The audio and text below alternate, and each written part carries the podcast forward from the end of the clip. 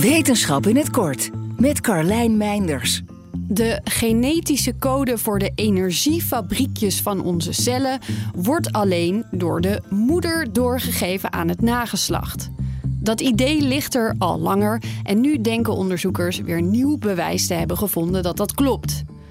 Eerder werd gedacht dat deze genetische code wel in spermacellen gevonden wordt, maar dat het verwijderd wordt als de cel samensmelt met de eicel.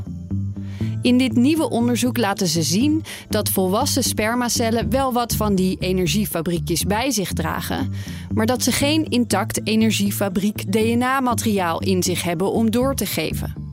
Ook mist een eiwit dat belangrijk is voor het onderhoud van dit specifieke DNA-materiaal. De genetische code voor de energiefabriekjes van onze cellen komt dus echt exclusief van de moeder. Waarom precies, dat is nog niet helemaal duidelijk.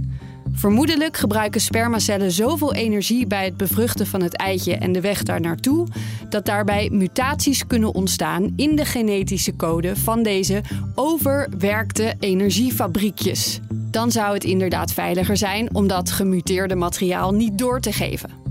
Eicellen halen hun energie ergens anders vandaan en zouden dit probleem dus niet hebben. Natuurlijk kan er wel wat mis zijn in de genetische code van de moeder. Er bestaan al behandelingen waarbij gemuteerd energiefabriekjes DNA-materiaal vervangen wordt met gezond DNA van donoreitjes. Maar die zitten nog wel in de klinische onderzoeksfase. Wil je elke dag een wetenschapsnieuwtje? Abonneer je dan op Wetenschap vandaag. Luister Wetenschap vandaag terug in al je favoriete podcast-apps. Verdienen jouw medewerkers de beste HR-service? Wij vinden van wel.